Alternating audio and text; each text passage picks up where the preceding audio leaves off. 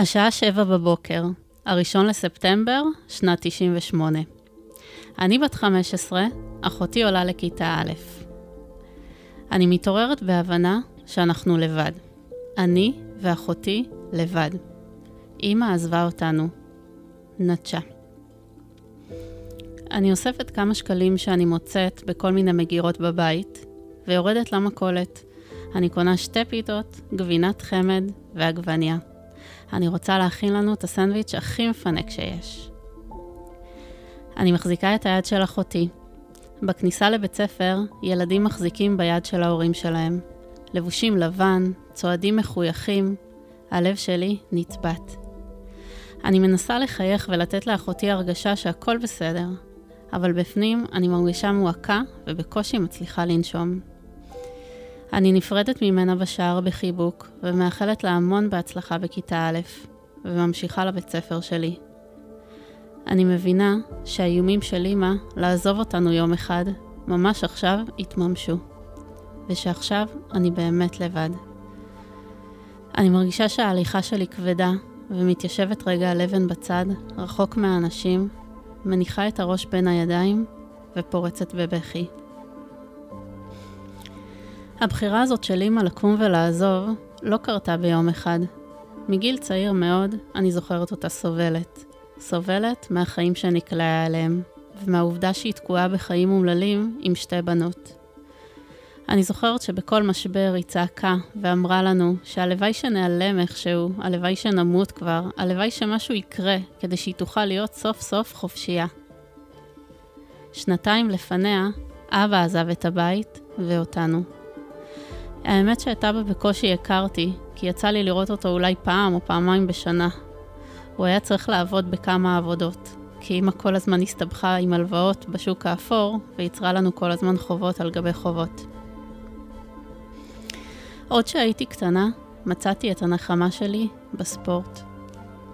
הגעתי לנבחרת השחייה המקומית, שהייתה בשבילי מקום מפלט מהבית, שלא באמת היה בית. המשפחה החלופית שלי, שבאופן לא מודע אימצתי לי. הרגשתי שם כל כך שייכת ואהובה, מה שגרם לי להשקיע ולהיות עוד יותר טובה במה שעשיתי. היה לי שם את המקום שלי, את המאמנת שהאמינה בי, שלא ויתרה עליי, גם ברגעים שהייתי עושה לה את הסצנות הכי דרמטיות שלי. ותבינו, כל השנים האלה אימא שלי לא שילמה שקל על כל החוג הזה והכל. האהבה הגדולה שקיבלתי והמחויבות לספורט הביאה אותי להשתתף במשך כמה שנים גם בתחרויות טריאטלון, ואפילו להחזיק במקום הראשון. הייתי עומדת על הפודיום, שמחה ומאושרת, כותפת גביע ועוד גביע.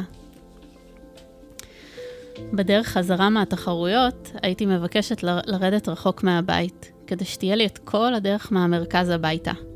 הייתי מחזיקה את הגביע בצורה כזאת שאין מצב שמי שעובר מולי לא ישים לב.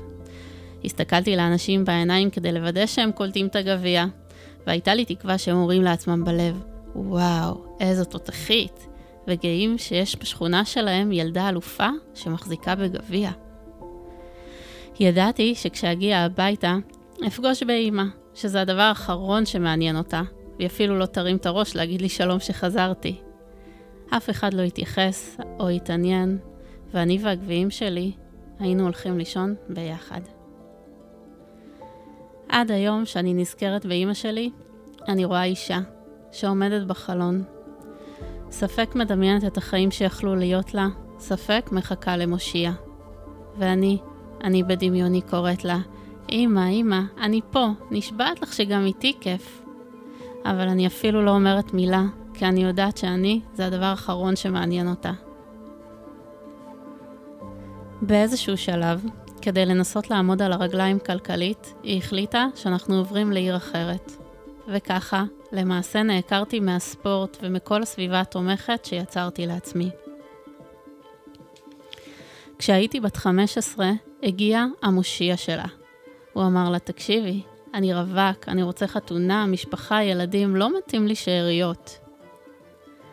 הוא ואימא שלי היו בול באותו ראש. אז היא החליטה לעזוב, לעזוב את החיים האומללים שהיו לה וללכת איתו, אל עבר עתיד טוב יותר. וככה אני ואחותי מצאנו את עצמנו בראשון לספטמבר, בעיר זרה ובבית נטוש. אחרי כמה שבועות הלכתי לאסוף את אחותי מבית ספר, והיא לא הייתה שם. מסתבר שאימא לקחה אותה, ואני נשארתי לבד. מדי פעם סבתא הייתה מגיעה ומביאה לי את הקופסת גלידה שבתוכה הקציצות הטעימות שלה, וגם 100 שקל. זה הספיק לי לדי הרבה זמן, כי האמת שפיתחתי שיטה ממש טובה לפילוח מהסופר. אפילו חשבתי לרשום על זה פטנט בזמנו. אז ניסיתי להתנהג כאילו כלום לא השתנה, אבל אחרי חמישה חודשים לבד הבנתי שאני לא אוכל להמשיך ככה. התחלתי לחפש פתרונות כדי שיהיה לי יותר טוב, ונזכרתי שפעם הייתה לי שכנה שהוציאו אותה מהבית, והיא הייתה במקום שנקרא פנימייה. עשיתי שמיניות באוויר כדי לדבר עם אותה חברה, וכשהצלחתי, הפצצתי אותה בשאלות כדי להבין איך שם והאם זה יכול להתאים לי. תוך כדי שהיא מדברת, הוצפתי בהתרגשות, והתחלתי ממש לדמיין את עצמי שם. יום למחרת כבר נרשמתי לפנימייה הזאת. אני יושבת באוטובוס קו 202 מחיפה לפרדס חנה. נושמת לרווחה מצד אחד, ומצד שני מתרגשת וגם קצת חוששת. עוברים בשדרה עם העצים בדרך הנדיב. השמש חמימה, ומשהו בתוכי ידע שאני בדרך הנכונה. הגעתי למקום שהרגשתי בו בטוחה, אהובה, שמישהו מתעניין ודואג לי באמת, בדיוק כמו בספורט. אני אפילו זוכרת אחר הצהריים אחד, ישבתי מתחת לעץ האלון הגדול שמול החדר אוכל. עצמתי את העיניים ואמרתי לעצמי, אני בגן עדן, אני בגן עדן, אני לא מאמינה, אני בגן עדן. אחרי הצבא הגעתי לתל אביב. מצאתי לי דירה קטנה ומתוקה, עשיתי תואר ראשון ובמקביל עבדתי בתחום המלונאות. במלון עובדים סביב השעון, 24-7, שבתות, חגים, לילות, ולי זה ממש התאים, כי גם ככה לא היה לי עם מי לחגוג ועם מי להיות. יום אחד הגיעה משפחה למלון, והם הציעו לי להצטרף אליהם לשולחן בראש השנה. כמובן שלא יכולתי, אבל הם היו כאלה חמודים, חמים ומלוכדים. הבנתי שיש מצב שיש משפחות כאלה בעולם, ואולי גם אני יכולה לייצר לעצמי משהו דומה. התחלתי לדמיין את עצמי בתור אימא. דמיינתי אותי מעניקה, נוכחת, מכילה, אוהבת. כל הדברים שאני לא קיבלתי בילדות. החלטתי שאני הולכת להגשים את החלום שלי להיות אימא. אפילו שעדיין לא הייתי בזוגיות, מקסימום זה יגיע אחר כך. לשמחתי, נכנסתי להיריון בניסיון ראשון, אלוהים היה איתי. ההיריון עבר בכיף ובטוב, הלידה פחות, אבל זה כבר סיפור ליום אחר. בבית, בבית חולים ידעו שאני אם יחידנית, ולפני שיצאתי משם שאלו אותי אם אני אצטרך עזרה בלחזור הביתה. לא, לא, זה בקטנה, אני אסתדר, אני גרה פה חמש דקות. מה לעזאזל חשבתי לעצמי? היו לי הרבה יותר דברים לסחוב ממה שחשבתי, שאני לא אדבר על הסלקל הזה שהוא לא קל בכלל.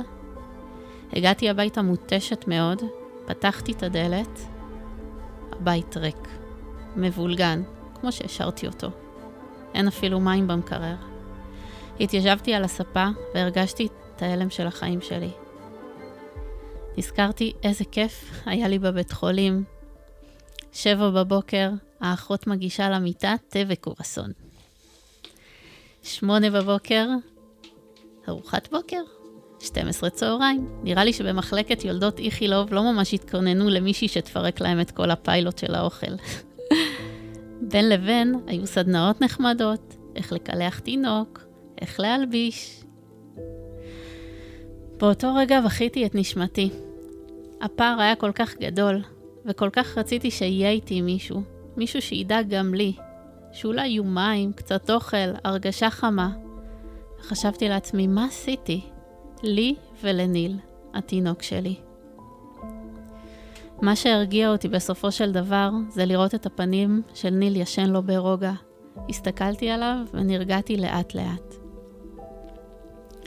אחרי שלושה חודשים של חופשת לידה, הכסף בחשבון כבר הגיע לתחתית שלו.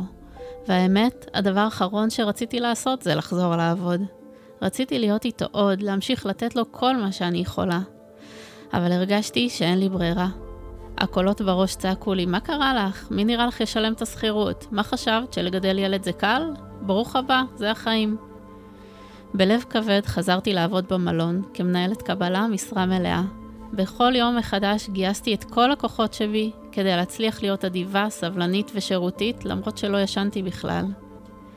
הייתי יוצאת מהמלון, רצה להביא אותו מהמעון, רעש, מכוניות, פיח, המון אנשים, חום, ואני כמו זומבי פשוט עובדת על אוטומט. כמה יועצות שינה לא לקחתי. עד שיום אחד פגשתי יועצת שינה שהייתה מפרדס חנה. פתאום נזכרתי שיש מקום כזה שפעם קראתי לו גן עדן. זה היה די מפתיע, אבל היא בכלל לא דיברה איתי על ניל, כלום. היא שאלה אותי עליי, על איך אני, איך אני מרגישה, איך עברה עליי השנה כאימא, ואני שותקת. לא שאלו אותי וגם אני לא שאלתי את עצמי כבר תקופה איך אני. היחס שלה אליי אפשר לי לשים מין זרקור על עצמי ולהבין כמה רע וקשה לי. באותו ערב שכבתי במיטה והחלטתי החלטה. אני משנה את המצב שלי. אני הולכת לייצר לי ולניל חיים אחרים, טובים יותר. בדמיוני ראיתי את פרדס חנה, גן העדן שלי. ראיתי את העצים, הטבע, הרוגע, ראיתי את השמש החמימה, את החיבור, את קצב החיים ואת האוויר הפתוח. באותו שבוע כבר עזבתי הכל והגעתי לפרדס חנה. חזרתי לנשום. התחלתי לחשוב איך אני משנה את המצב הכלכלי. לא עוד עבודות בשכר נמוך ושעות מרובות. מגיע לי לחיות. מגיע לניל אימא חיה, נוכחת, פיזית ורגשית, איתו ובשבילו, בשביל שנינו. אז התחלתי לחקור בטירוף איך עושים כסף, וגיליתי עולם שלם שלא הכרתי, בתחום ההשקעות, נדל"ן, התנהלות כלכלית, הכנסות פסיביות. ומאז, אני נוסעת במכונית מרוץ, במסע של התפתחות אישית, התרחבות, התמודדות עם פחדים ודפוסי עבר, עוזרת אומץ, סקרנית ופתוחה יותר. כיום, לאחר חמש שנים, ממצב של אפס שקלים בעו"ש, אפס שקלים בחסכונות, הגעתי לשלוש דירות בארץ ועוד כמה השקעות נדל"ן בחו"ל. בדרך אל המטרה שהגדרתי לעצמי, חופש כלכלי ואימא נוכחת ורגועה. נתוני הפתיחה שלי הובילו אותי לחפש מציאות אחרת. עוד כשהייתי ילדה, לא התמקדתי במה לא אוכל להשיג, אלא איך כן או מה כן אני יכולה לעשות כדי לשפר את מצבי. גם כשהייתי מביטה אל אימא, מסתכלת בחלון ומחפשת את האושר שלה רחוק מאיתנו, בחרתי לקחת את השליטה על הידיים שלי ולדאוג בעצמי לאושר שלי. אם לא הייתה לי משפחה, אימצתי לי כזאת. אם לא היה לי כסף, היום יש לי שלוש דירות. אם לא הייתה לי אימא, סידרתי לניל סבבה של אימא. יחסית. אין לי ספק שבכל אחד מאיתנו יש את הכוח לשנות את המציאות של החיים שלו. אז אם רק תבחרו, תאמינו ותעזרו באנשים טובים בדרך. אל תחכו בחלון שמשהו יקרה לכם. תבדקו כבר מחר מה יכול לגרום לכם להגיע לחיים מאושרים יותר. כי המנווטים היחידים של החיים שלכם הוא אתם בעצמכם.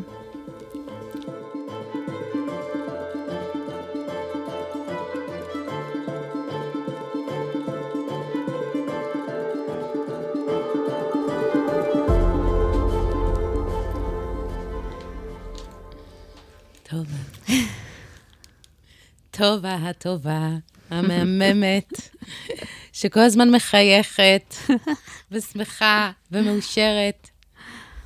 וואו, איך את? אני מעולה.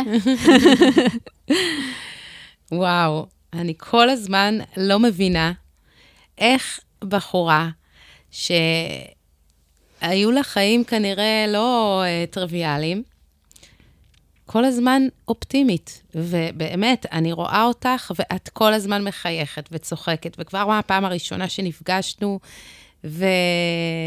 ועלינו אחת מול השנייה בזום, אז, אז חייכת ושמחת, ו... ואז התחלת ככה לפתוח את הסיפור שלך, והייתי בהלם. ומאיפה את שואבת את הכוחות האלו של השמחה? האמת שאין לי מושג. אבל אני גם רוצה להיות ככה. תשמעי, אני לא כל הזמן שמחה, כן? אה, כמו כל בן אדם, אבל באמת אני, אני מרגישה שאני באמת משתדלת בכל דבר לראות את החלק הטוב שבו. ואם זה פחות טוב, אז איך אני הופכת את זה לטוב?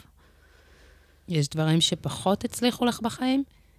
מלנסות להפוך משהו טוב ל... כאילו, פחות טוב לטוב? פחות טוב להפוך לטוב שלא הצלחתי? כן. Uh, כן, כן, אבל uh, כל פעם שאני לא... כלומר, זה קצת uh, שאלה מעניינת. לא... בשביל זה אני פה. לא יצא לי לחשוב עליה, אבל אני חושבת שאם uh, אני רוצה משהו, אז אני מנסה למצוא את הדרכים להשיג אותו, או להפוך את זה, שזה יהיה טוב בשבילי. Mm-hmm. כל, כלומר, אם אני באמת רוצה את זה, אבל אם אני לא רוצה, אז אני משחררת, כאילו, אם לא הולך לי בכיוון מסוים. למה רצית לספר את הסיפור שלך?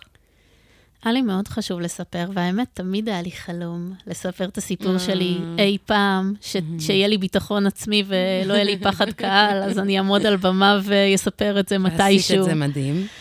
ופתאום באמת נתקלתי ב...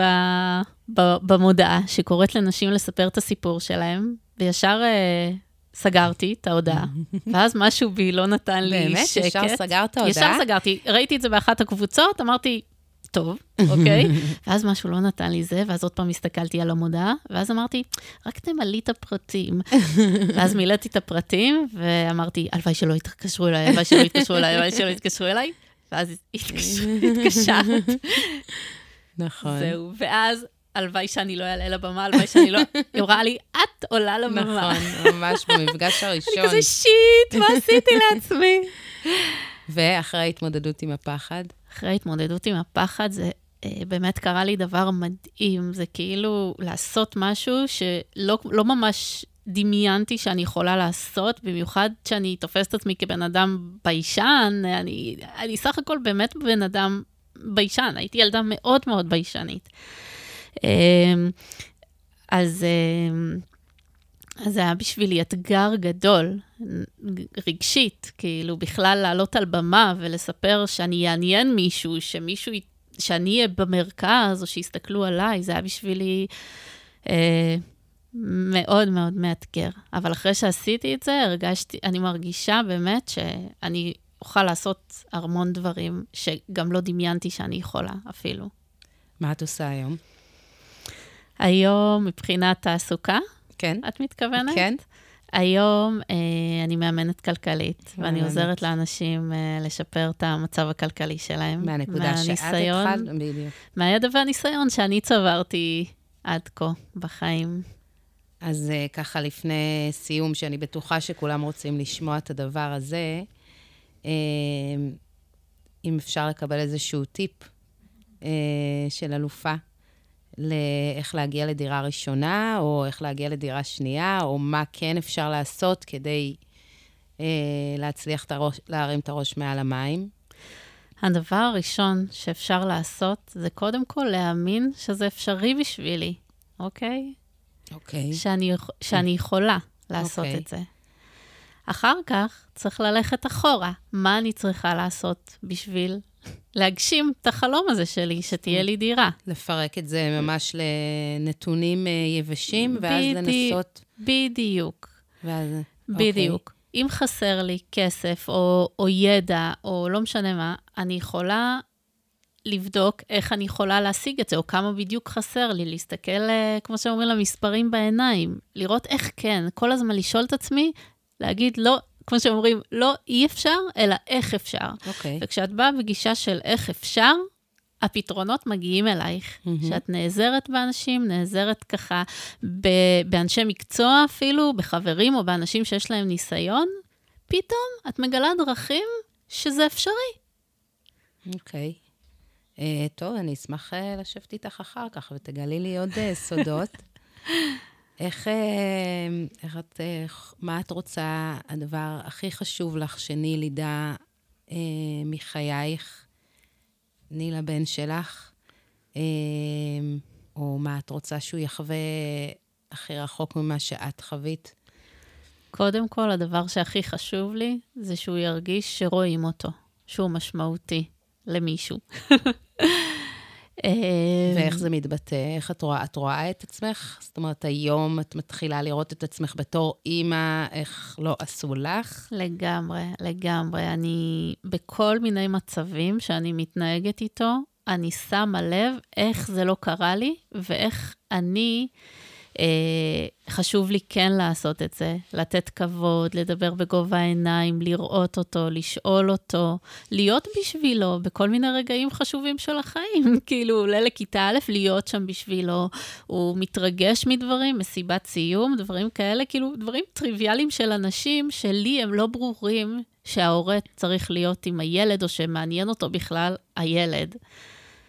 אז, אז חשוב לי שבאמת הוא יגדל בהרגשה בטוחה שאימא שלו איתו בכל מצב, ואוהבת אותו, ורואה אותו.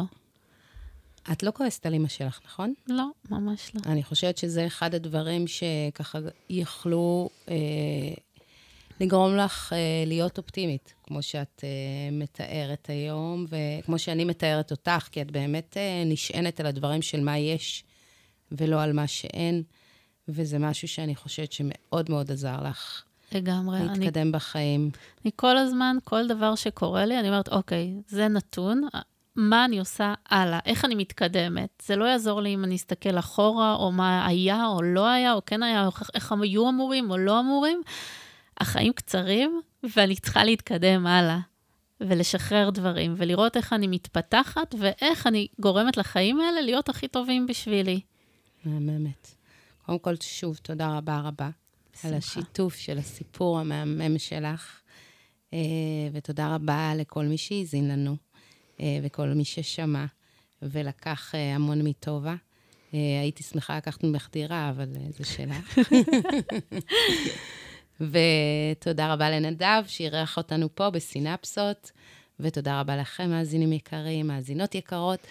אה, וכמובן שאפשר למצוא אותנו במתגלות בקהילה ישראל, בפייסבוק, כמובן גם באינסטגרם, אה, ובכל הפלטפורמות שאפשר. תודה רבה, ונשתמע בפרק הבא. להתראות. ביי. וגם את, אם האזנת לנו, והתחלת לחשוב שאולי גם לך יש סיפור, אני מבטיחה לך שיש לך כזה, ואת יותר ממוזמנת לפנות אליי למייל שנמצא בתיאור הפרק. תודה רבה לכולם, ונשתמע.